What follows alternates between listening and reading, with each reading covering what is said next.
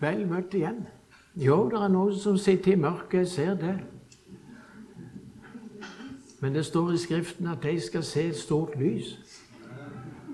Så um, det er håp. Nå er det sånn at um, er en merkelig tid vi har. På butikkene går folk med, de som jobber der, med et skill. Hold avstand. Merkelig å tenker. Hadde det skjedd for et år siden, så hadde vi trodd at folk var galne. Men vi vet hvorfor. Men det er en som ikke vil være på avstand. Det er Gud den hellige ånd. Og han venter vi på i kveld. Kjære Jesus, åpner du mitt hjerte ved din hellige ånd, så jeg av ditt ord kan lære og sørge over mine synder og tro på Jesus i liv og død.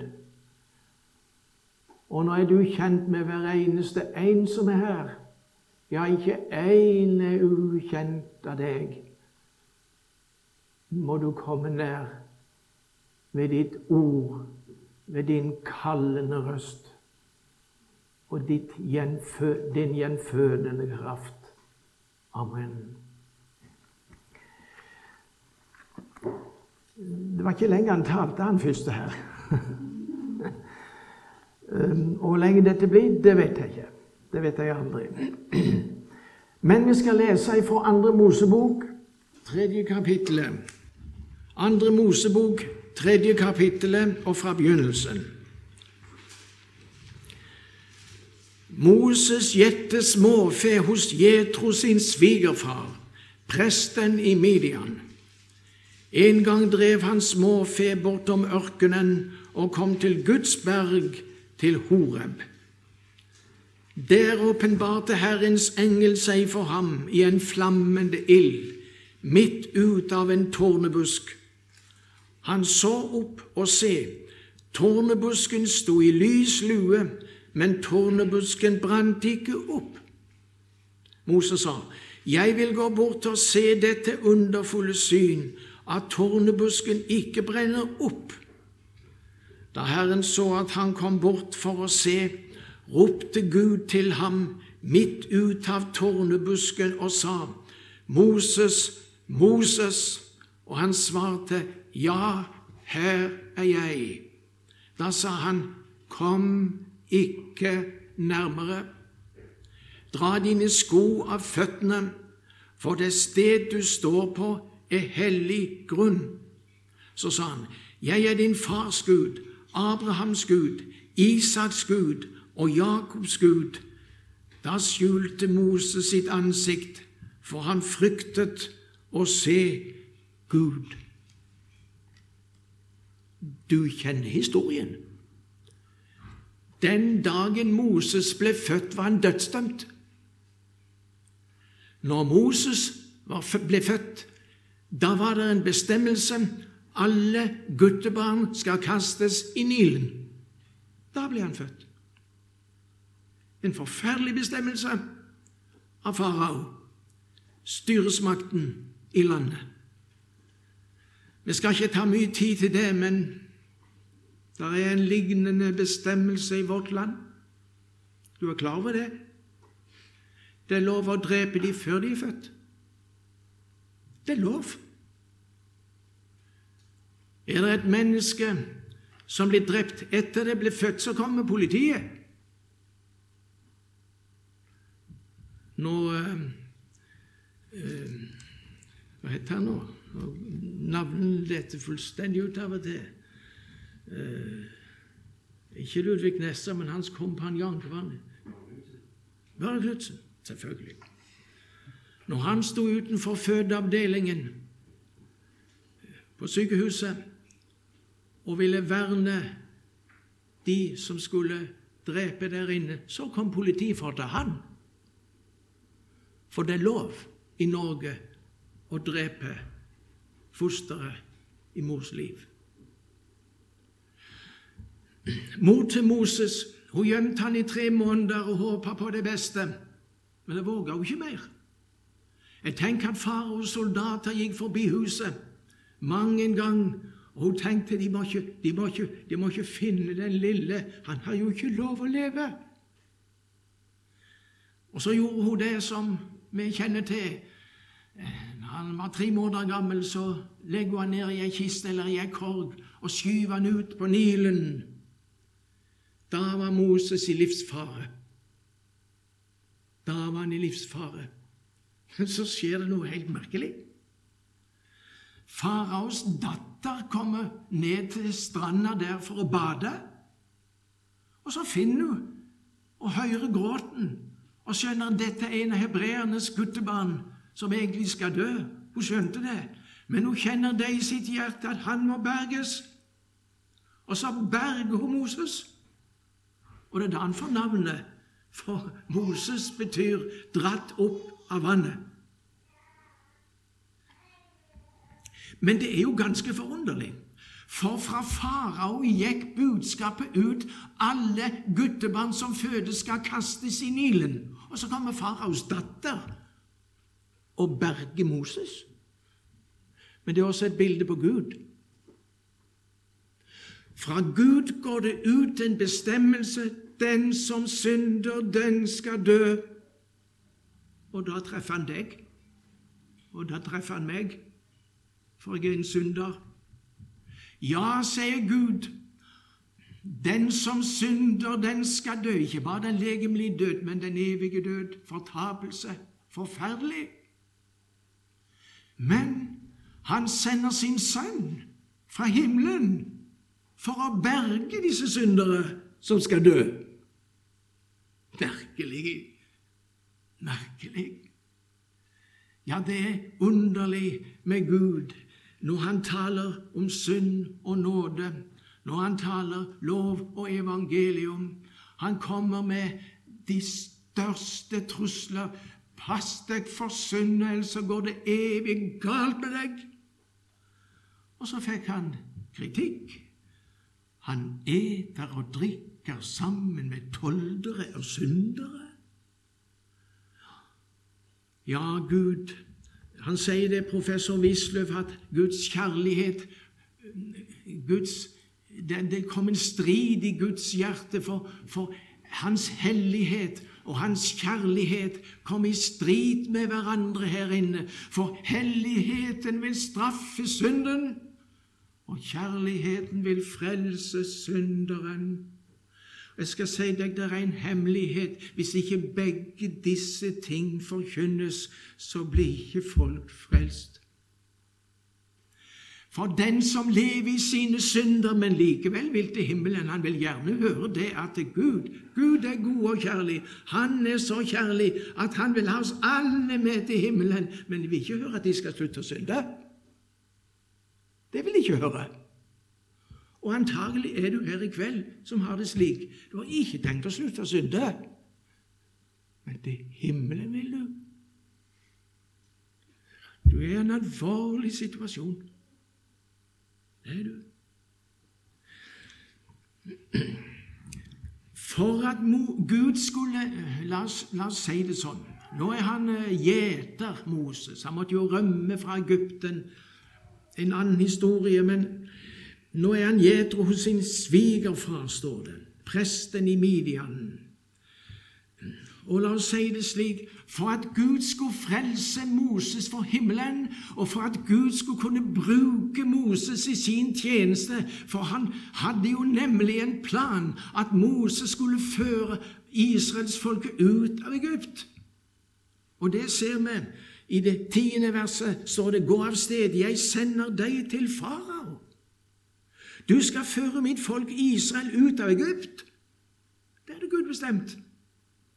Men for å kunne få tak i han, både frelse han og bruke han, så måtte han stanse han. Og Nå skal jeg si deg en ting.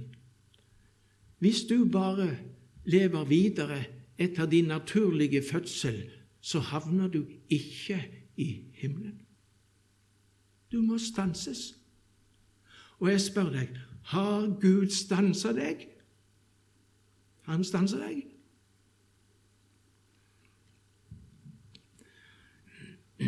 Esaias ble stansa i det sjette kapittelet. hos profeten Esaias. Han møtte Gud på en slik måte at han sa, 'Herre, jeg er fortapt.' For jeg har en munn med urene lepper. Og han skjønte det, det er ikke håp for meg. Jeg er fortapt. Du skjønner, Når et menneske kommer i nærheten av den hellige Gud, så begynner han å sammenligne. Du vet, Vi er jo fæle gode til å sammenligne oss med hverandre. Jeg er iallfall mer enn han, enn hun. Da, da var det bra, for de er jo ganske bra med deg òg. De lever ganske bra, men jeg er mm, et hakk bedre, sikkert.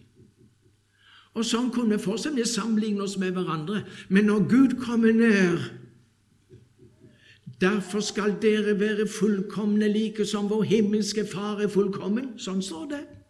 Sånn står det. Og jeg glemmer ikke det mange år siden jeg traff. Det var i Bodø, forresten. På torget der sto det noe med noen store plakater. De, de, de sa de var mormonere.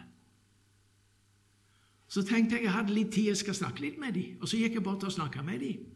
Og så sa, jeg stilte de et spørsmål. Kan dere nå forklare hva deres budskap til meg er? Vær så god. Og de ble veldig glad for det. Og de snakket gebrokkent, kom jo fra USA osv. Men jeg skjønte jo veldig godt hva de sa. Ja, hva er budskapet, sier jeg. Vi skal bli fullkomne like som vår himmelske Fader er fullkommen, sa de. Så sier jeg ja, det var da gildt å høre, for det stemmer med Bibelen, det. Det er et bibelord. Bergpreken, er det vel? Ja. Ja, og, og, og dere Sier jeg dere er fullkomne, dere, da? Ja. Er dere helt sikre på det, sier jeg. Ja. Er dere helt sikre, sier jeg. Ja Jeg syns det var litt mange like spørsmål. Så sa jeg til dem at eh, dere kjenner de ti bud. Ja, lysna de opp de ti bud, ja? Ja, det er nettopp det vi må beflitte oss på, sa de. Ja, de ti bud. Og de har dere holdt? Ja. Er du sikker på det, spurte jeg. De var redd de skulle få flere spørsmål av samme slag, så de stussa litt. Ja, sa jeg, for det gjelder jo ikke bare å prøve å være god i det ytre.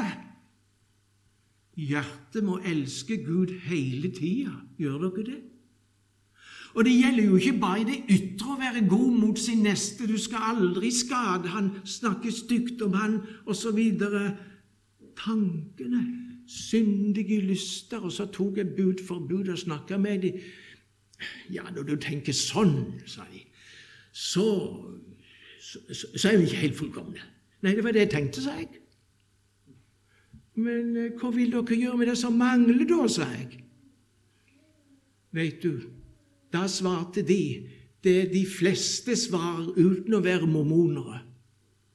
Når Gud ser vi går ærlig inn for saken, så går det nok godt. For vi gjør så godt vi kan. Det er forresten ei løgn, men det sier folk. Ja så sier jeg til dem etter hva det står i Bibelen, så er dere under Guds forbannelse. For dere blir ikke ved i alt det som står i lovens bok, så dere gjør det. Og jeg spurte igjen, hva vil dere gjøre med det som mangler? Så de på meg. Har du svar? Ja, sa jeg. Jeg har svar. Ja, hva er det da, sa de. Jeg tror jeg skal komme inn i himmelen på noe en annen person har gjort i mitt sted, sier jeg. Å? Ja, har dere ikke hørt om Jesus? Jo, de hadde hørt om Jesus. Ja, ja men han, han, han, gjorde jo noe da han gikk her på jord. Det var jo for å frelse oss. Det er fullbrakt, sa han på Golgata. På dommens dag så skal det gjelde for meg alt det Jesus har gjort, og han er godtatt i himmelen, sa jeg. Vet du hva de sa? altfor enkelt. Mm.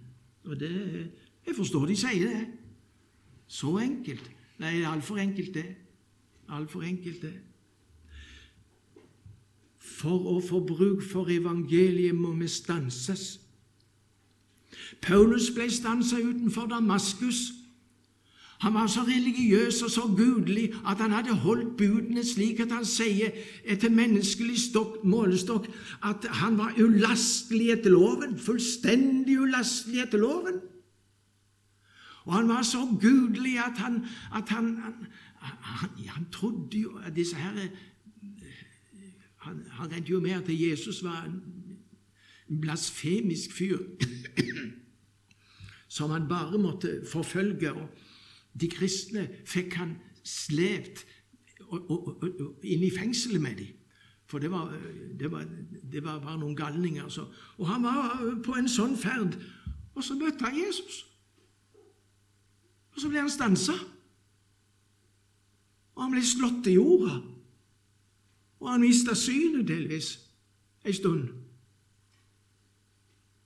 Han måtte stanses. Jesus forteller også en, en lignelse om fariseeren og tolderen. Begge disse to skulle til tempelet for å be til den samme Gud. Det var veldig forskjell på dem. Hvem liker du best? Det passer oss best å, å ligne fariseeren. Og jeg er redd at i vår tid så er det det fariseeren man higer etter å være lik. Hva vil det si å bli en kristen? Jo, det å bli med i et kor og synge lovsanger, det. Ja, få en god stemning, og så trives man, og så, så er man kristen. Det er du slett ikke. Du tar feil. Du blir ikke en kristen ved å prøve å være gudelig. Du blir ikke en kristen, eller som en sa, du blir ikke en hest om du ofte går inn i en stall. Du er ikke en kristen fordi du går der som de kristne går, bedehuset, der hvor Guds ord forkynnes. Det må skje. Du må stanses på den veien du er. Du må bli født på ny. Det er det Bibelen sier. Fariseeren og tolderen, ja, du vet det, Fariseeren ble jo ikke stansa, han. Han hadde bedt Gud om kraft kanskje hele sitt liv om å bli en, en god, gild kristen, og han syntes det hadde lykkes. Og nå gikk han fram i tempelet veldig frimodig og takka Gud fordi Gud hadde hjulpet han med sin kraft til å bli sånn som han var nå. Og så sto det en der med døra, en tolder, ja, ja, ja. Og så takker jeg at jeg ikke er som han som står der nede. Og så er det Jesus som forteller dette. Og så sier han at det var ikke fariseeren som gikk rettferdiggjort hjem til sitt hus, men det var tolderen. Han ble stanset, han kom vel ikke nesten lenger enn til døra. Han slår seg for brystet, og så sier han, 'Gud, vær meg synder nådig.' Det er ikke håp for meg. Han ble stansa du blitt stansa? Hvem lærte dere å fly for den kommende vrede, sa døperen Johannes. Vekkelse det begynner nok med at man begynner å flykte fra synda. Man kan ikke være der. Det må bli slutt.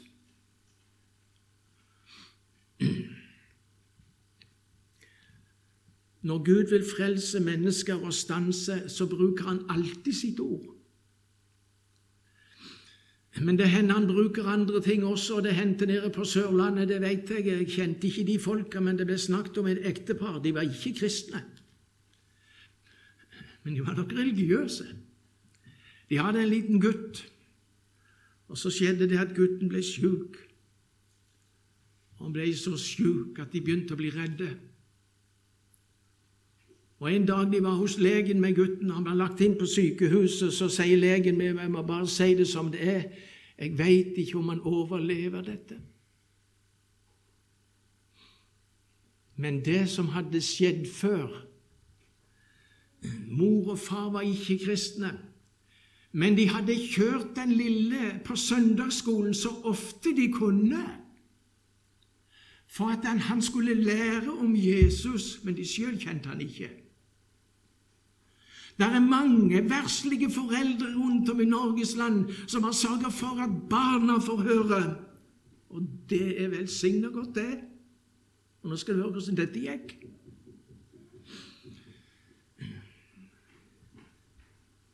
Det var vel far som sa til mor en dag Jeg skjønner det at gutten vår kommer til å dø. Og jeg har tenkt på noe den tida han har igjen å leve. Jeg har tenkt på Skal vi spørre ham om det er noe han ønsker seg? Og så vil jeg si til han at du skal få det. Samme hvor dyrt det er, så skal jeg kjøpe det til deg. Jo, mor var enig i det. De ville det beste for den lille. De skulle spørre han, er det ikke noe du ønsker deg den tid du har igjen. Skal få det. Det er mange liten gutter og jenter som skulle ønske at foreldrene sa du skal få akkurat hva du vil. Bare ønsk du.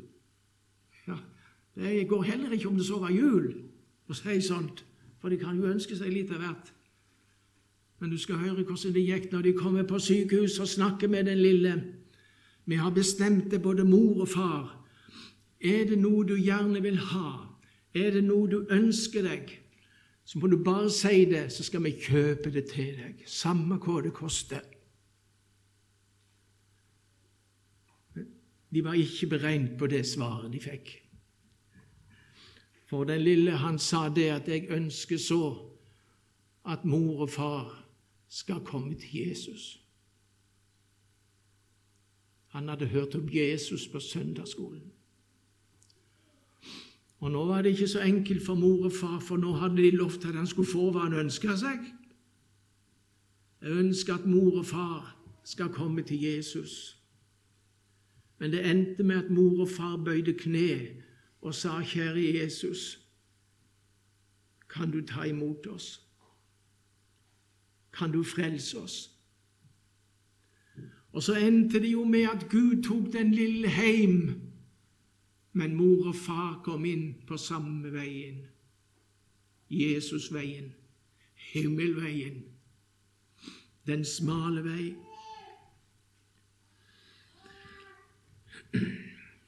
Moses opplevde noe helt forunderlig. En tornebusk i brann. Og flammen det flamma opp. altså En tornebusk i brann. Jeg vet ikke om han hadde sett det før. Når vi var små, så tente vi iallfall på einerbusker oppi marka. Og, og, men når det begynte å bli mørkt om kvelden, når vi gjorde det, så kom far min og sa det sløkte, det, det er mørkt', sa han. 'Man kan ikke brenne om natta'. Men det var jo helt eh, voldsom flamme, vet du. Men, og så slukte det igjen med en gang. Men ikke denne. For her var Gud. Hva heter, hva er ditt navn? Det står senere i kapittelet. Jeg er tar aldri slutt. Og denne flammen tok aldri slutt, og det gjorde sånn at han ble så nysgjerrig, Moses. Og det var et vidunderlig syn, står det i den gamle oversettelsen. Og han ble lokka nærmere, nærmere. Og når han kom ganske nær, så begynte Gud å tale. Moses, kom ikke nærmere Hva vil det si? Han ble stansa. Han ble stansa. Ja, men det, det går da ikke an. Altså, Moses ville dit Gud var, og så ble han stansa. Det vil alle oppleve som er kalt av Gud, og som vil til himmelen. For himmelveien er ikke etter dine tanker. Og hvordan du skal komme dit, er ikke etter dine tanker. Å nei, hvis det, hvis det var sånn To pluss to er fire. Jeg kan regne ut hvordan jeg skal komme til himmelen, for det vet jeg. For det er sånn, og det er sånn, og det er sånn. Nei, jeg skal si deg når Gud får vise deg din synd, så mørkner det, og så sier du det er ikke håp for meg. Og når Han åpner sin nåde og skal vise deg at Han har betalt inn til siste øre og, og vil be deg inn i himmelen bare nåde, så sier du som mormoneren det må være altfor enkelt. Det kan ikke stemme. Men Gud, han taler igjen og igjen. La oss ta et eksempel. En som gjerne vil bli en kristen. Han bøyer kne og sier, 'Jesus, nå vil jeg jeg vil gi meg over til deg.' Og etterpå så sier han det. Ja, jeg har bøyd kne. Jeg har bestemt meg. Jeg har eh, kommet Eller jeg har rekt opp ei hånd. Jeg har det ene, og jeg har det andre. Nå må jeg vel være en kristen. Men Bibelen har aldri talt om at det å være en kristen er å bøye sine legemlige knær, eller rekke opp ei hånd, eller si 'jeg har bestemt meg'. Enda det er veldig fint du vil være en kristen, og det er den beste bestemmelsen du har gjort, det å ville være en kristen. Men det som åpner himmelens port, det er noe annet. Det er ikke noe av det du gjør. Det er noe helt annet. Og jeg er sikker på at her sitter det folk i kveld som inderlig gjerne vil være en kristen, men du vil bli stansa, og det er faktisk ditt problem. Hva jeg mener med det? Jo, det skal jeg si. Du er her som gjerne vil omvende deg på en skikkelig måte. Omvende deg slik at du kan si 'Jeg er omvendt til Gud'. Men når du skal kanskje ha dine bønnestunder, så sier du 'Kjære Jesus, er jeg omvendt?' Jeg er ikke sikker. Hvorfor er du ikke det? Jo, for Gud har stansa deg. Du vil gjerne tro. Du vil ha den beste tro, den frelsende tro. Det er noe som heter død tro. Og, og, og, og, ja, jeg vil gjerne tro på deg, Gud, og tro, min er så svak hvis det i det hele tatt Kjære Jesus, hvor er troen? Hvorfor spør du sånn? Du er blitt stansa. Ja, men hvordan kan jeg da vite at jeg er i samfunn med Gud, da? Ja, det var et godt spørsmål. Ja, for jeg, var meg som kom med det. Det er et godt spørsmål. Ja. Men det spørsmålet det ligger ikke hos meg av naturen. Man må til Guds ord for å få det spørsmålet. Hva er det som er avgjørende for at vi er Guds barn? Hva er det som gjør at Gud åpner himmelen? Gud åpna himmelen for Jesus, for han passa inn, han, etter loven. Han trengte ikke noen soning for sine synder. Han var fullkommen. Men du trengte det. Du trengte det. Og Derfor står det så mye om Jesu blod, og vi skal ta med et ord nå i eh, Feserbrevet, det andre kapittelet. Der står det i det 13. verset tale om jøder og hedninger, men dette passer veldig godt i denne sammenhengen å ta med. Men nå i, Christ, i, Jesus, i Kristus Jesus er dere som før var langt borte Det stemmer jo. Langt borte. For han har stansa oss. Men det står mer. Nå i Kristus Jesus er dere som før var langt borte, kommet ned til ved Kristi blod. Ved Kristi blod. Altså det blodet som rant på Golgata, fører til at du er nær Gud. For det var for deg. Døde for deg. Og så står det mer, og det har med mottoet for denne møteserien. Om ikke jeg taler om det sånn som han Olsen ville gjort det, så ja, For her står det 'For Han er vår fred'. Har jeg fred med Gud? Ja, hvis ikke jeg har fred med Gud, så er jeg i krig med Gud. Og da vinner ikke jeg den krigen. Det kan du lite på. Da taper jeg. Men Han er vår fred. Han som gjorde de to til ett og brøt ned gjerdet som skilte dem, fiendskapet. Altså, min fred med Gud er en person. Det er Jesus. En person. Og nå går klokka i kveld òg, men det gjør ikke noe. Eh, jeg må ta med til slutt noe som jeg så ofte har tatt med, av de som har hørt det før, kan, kan bare gå hvis det er det du vil. Men jeg syns det er et godt bilde. Det er tatt fra boka til Bo Gjerts, 'Steingrunnen'. Og hvis du vil etterpå, så finner du den sekvensen som jeg tar med her. Du finner det faktisk på, på nettet.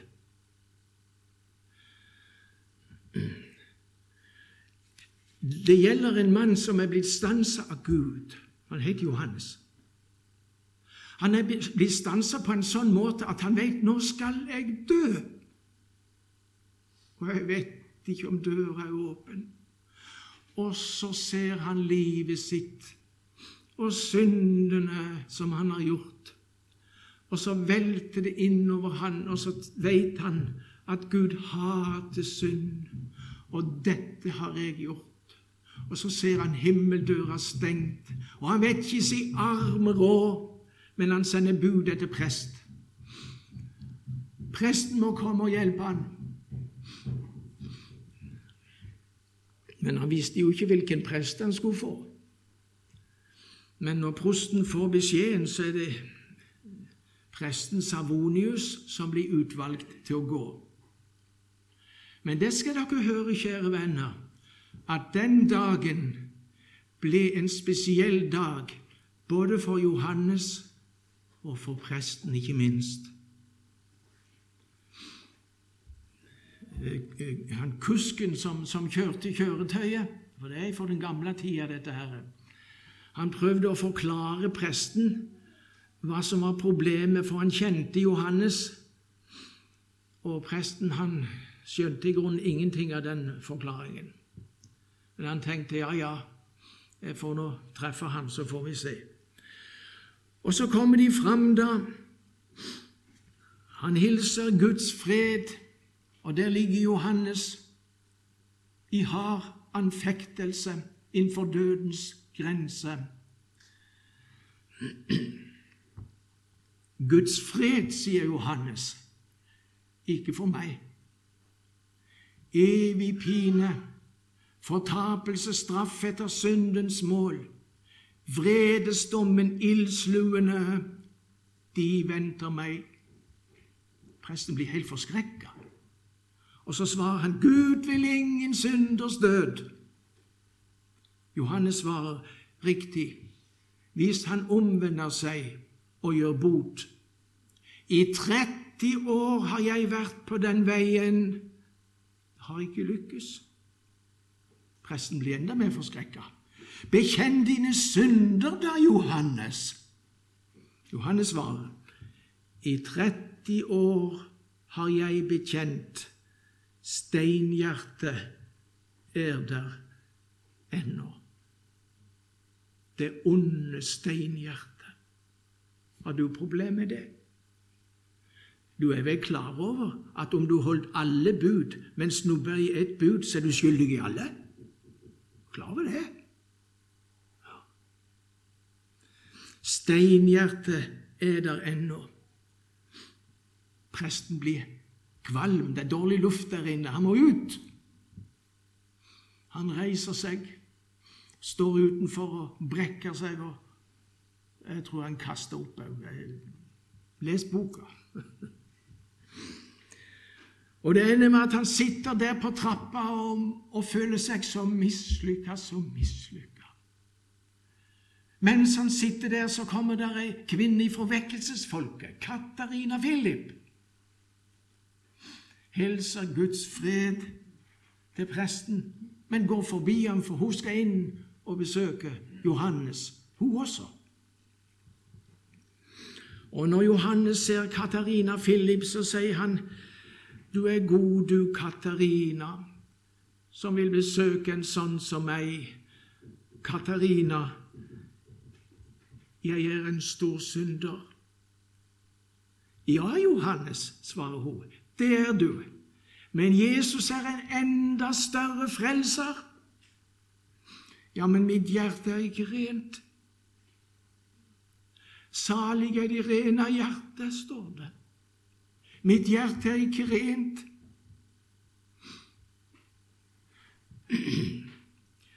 Hvorfor får jeg ikke et rent hjerte når jeg har bedt om det? Svaret skal vi legge merke til. Det er fordi du skal lære å elske Jesus. Nå skal jeg si en ting til dere. Det er en sammenheng mellom å ikke få det til å være en kristen og det å bli trøsta med sann trøst og ha himmelen som mål. Det er en sammenheng med å si ærlig og oppriktig av hjertet 'Det mislykkes for meg'. For den får Jesus ta seg av. Stemmer ikke det? Skal du høre litt til? Hvorfor får jeg ikke et rent hjerte når jeg ber om det, har bedt om det? Hun svarer, om du hadde fått et rent hjerte og av den grunn fortjent saligheten, hva skulle du da med Jesus? Det var nye toner for Johannes. Har du mer å si? Ja, se det Guds lam som bærer verdens synd. Mener du at han også bærer den synd som bor i mitt urene hjerte? Ja. Ja, men Katarina, jeg har den jo ennå i meg. Er det ditt problem? Hva skal hun svare nå? Jeg kan si det at Nå hadde presten kommet inn, og han fulgte samtalen nøye, kan du tro. Han står der og lytter og lytter. Og den kvelden ser presten inn i Guds rike, og han skjønner jeg er utenfor. Jeg er utenfor. Presten var tilkalt og skulle hjelpe den døende, men når han står der og hører på denne enkle kvinna i samtale med den anfekta mannen, så skjønner han de har del i noe som ikke jeg har. Skjønner du meg? Det hjelper ikke å være prest, det hjelper ikke å være predikant, det hjelper ikke å være misjonær med tittel, men du må være født på ny ved evangeliet. Jeg har den jo ennå i meg. Og så svarer Katarina Philip, ja, like sikkert som Paulus når han sier i mitt kjøtt bor det intet godt. Og Johannes han lytter og lytter. Et ord til Katarina, og jeg tror. Ja da, alle har syndet og fattes Guds ære men de blir rettferdiggjort uforskyldt av Hans nåde ved den forløsningen som er i Kristus Jesus. Det svarer hun. Det er jo Guds ordet, klart og tydelig. Og Johannes blir hjulpen og dør salig. Nå ser jeg den stakkars presten for meg. Nå skulle han hjem. Kusken som kjører, prøver å få ut av han hvordan det gikk med Johannes, men han sa ikke et ord. Han hadde fått et stikk i hjertet. Johannes har noe nå som jeg aldri har hatt. Er du frelst ved nåden? Er du? Eller baler du med å bli som fariseeren i tempelet? Det vil ikke hjelpe deg. Ingenting. Tolderen gikk rettferdiggjort hjem til sitt hus, står det. Savonius kommer hjem til prosten, og prosten spør hvordan gikk det? Jo, svarer Savonius, han fikk fred, og jeg fikk ufred. Og det er, min venn, virkningen av Guds ords sanne forkynnelse også i dag som før. Noen får fred, noen får ufred. Hvorfor ufred? Jo, fordi du ser det ikke i orden med meg. Og jeg kan si det kommer aldri til å bli det. Men det er i orden med Jesus. Er han ikke stedfortrederen. Er han ikke han som står mellom deg og Gud og gjelder istedenfor deg? Jo, det er jo det han er. Og når dette går opp for ditt hjerte, så blir det en ny kraft i ditt liv også, til å leve annerledes, ikke som tvang. Huff, nå er jeg en kristen, så jeg kan ikke det og kan ikke det. Nei, men jeg må iallfall gi uttrykk for at jeg Ikke sant? Men så blir det en, en trang og ikke en tvang. Men det skal ikke vi tale om nå. Men vi skal takke Gud for nåden. Kjære Herre Jesus, takk at du er god, og din miskunnhet varer til evig tid. Og Herre, be for en og annen i kveld som du har stansa. Og hvorfor stanser du folk? Det står om Moses, veit vi, i apostlenes gjerninger, at han ble så redd at han skalv. Og Herre, det kan bli sånn å møte deg og din hellighet at vi begynner å skjelve og skjønner at det er ikke håp for oss. Men Jesus kom med dine sommer, og min gjeld for meg betal. Frels min sjel fra evig kommer, be meg inn i himmelens sal. Amen.